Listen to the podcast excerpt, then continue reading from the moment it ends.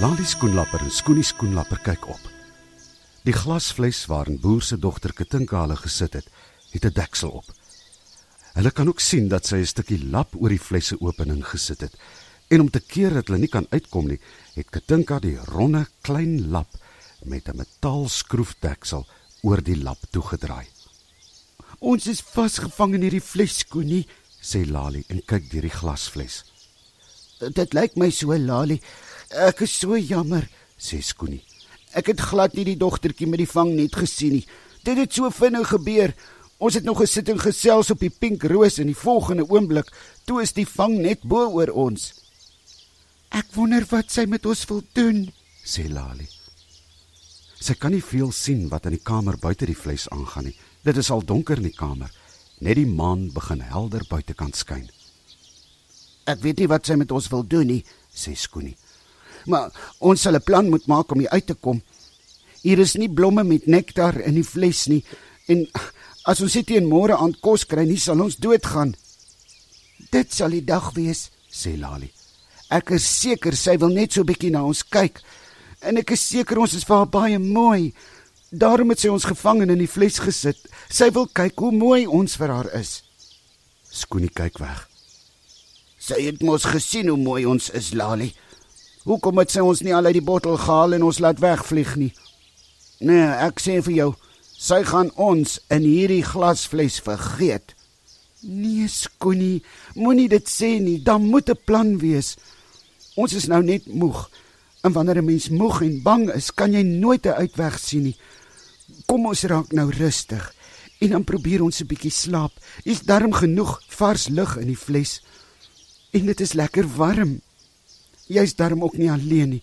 Ons is mos albei hier. Ons hoef mos nie bang te wees nie. Môre wanneer die son opkom, sal ons weer vars kan dink. Ek is seker ons sal 'n plan kan maak om hier uit te kom. Lali praat vir Skoonie moed in. Ja, jy's reg, Lali. Ek is jammer dat ek so 'n ou bangbroek is. Ek is sommer skaam. Ek is eintlik die een wat vir jou behoort moet in te praat. Ek is regtig jammer. Kom ons probeer 'n bietjie slaap. Môre wanneer die son skyn, sal ons 'n plan maak. Lali en Skoonie het styf teen mekaar gaan sit in die groot glasfles. En voordat die maan se strale by die groot oop venster in die muur verbygetrek het, was hulle albei in droomland. Die volgende oggend was die sonnetjie op en het helder in Katinka se kamer ingeskyn. Lali en Skoonie het lekker geslaap en voel sommer baie beter. Hulle kyk deur die glasfles en kan nou baie meer in Katinka se kamer sien. Hulle kan sien waar haar bed staan en waar sy op die bed lê en slaap. Daar's ook 'n groot boks wat in die een hoek van die kamer staan met baie speelgoed in. Aan die ander kant van die kamer is daar 'n deur wat oop is. Lali en Skoonie kan sien dat daardie deur na die gang toe lei.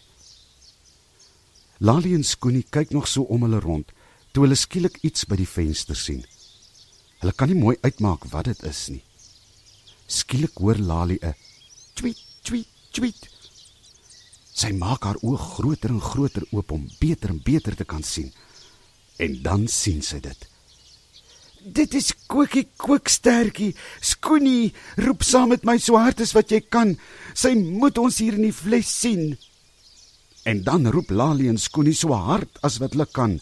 Kookie, Kookie. Kookie Kookstertjie het nog so 'n paar keer op die vensterbank rondgespring. En toe gaan staan sy skielik stil. Sy kyk rond. Nou wie sal my nou hier roep? wonder Kookie. Niemand hier by boer se plaashuis ken my mos nie.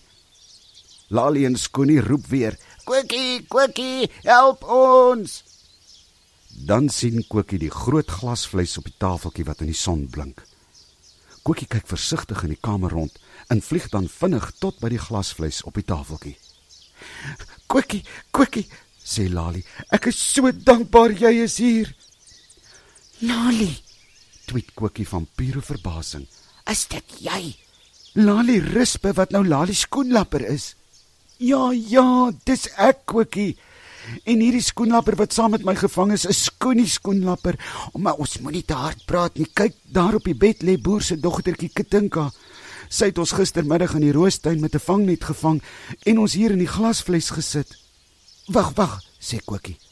Waarom wou sy julle vang? Het julle iets stouts gedoen? Nee, Kokkie, sê Skoenie. Ons het net op die rose in die roostuin daar buite gesit en van die nektar opgesuig. En voordat ons ons kon kry, het sy ons met die vangnet gevang en in die glasfles gesit. Dis baie lelik van haar en baie dom ook. Ai, die mense kan daarmee vreesigste dinge aanvang. Waar dink sy nou moet julle kos vandaan kry?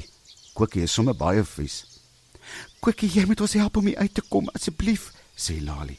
Maar hoe? sê Kokkie en wip wip rondom die glasfles. Die glas is te dik. Ek kan dit nie stik en pik met my bekkie nie. Kyk daar bo op die glasfles Kokkie. Daar is 'n stukkie lap oor die fles. Miskien kan jy dit stikkend byt, sê Lali vol hoop. Kokkie gaan sit bo op die glasfles.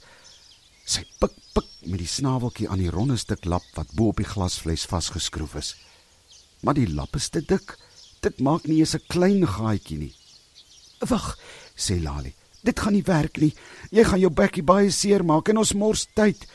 Ek het 'n plan. Kokkie, ken jy vir Ekkie eekoring in die groot akkerboom in die bos? Natuurlik ken ek vir Ekkie eekoring Lali. Almal ken vir Ekkie.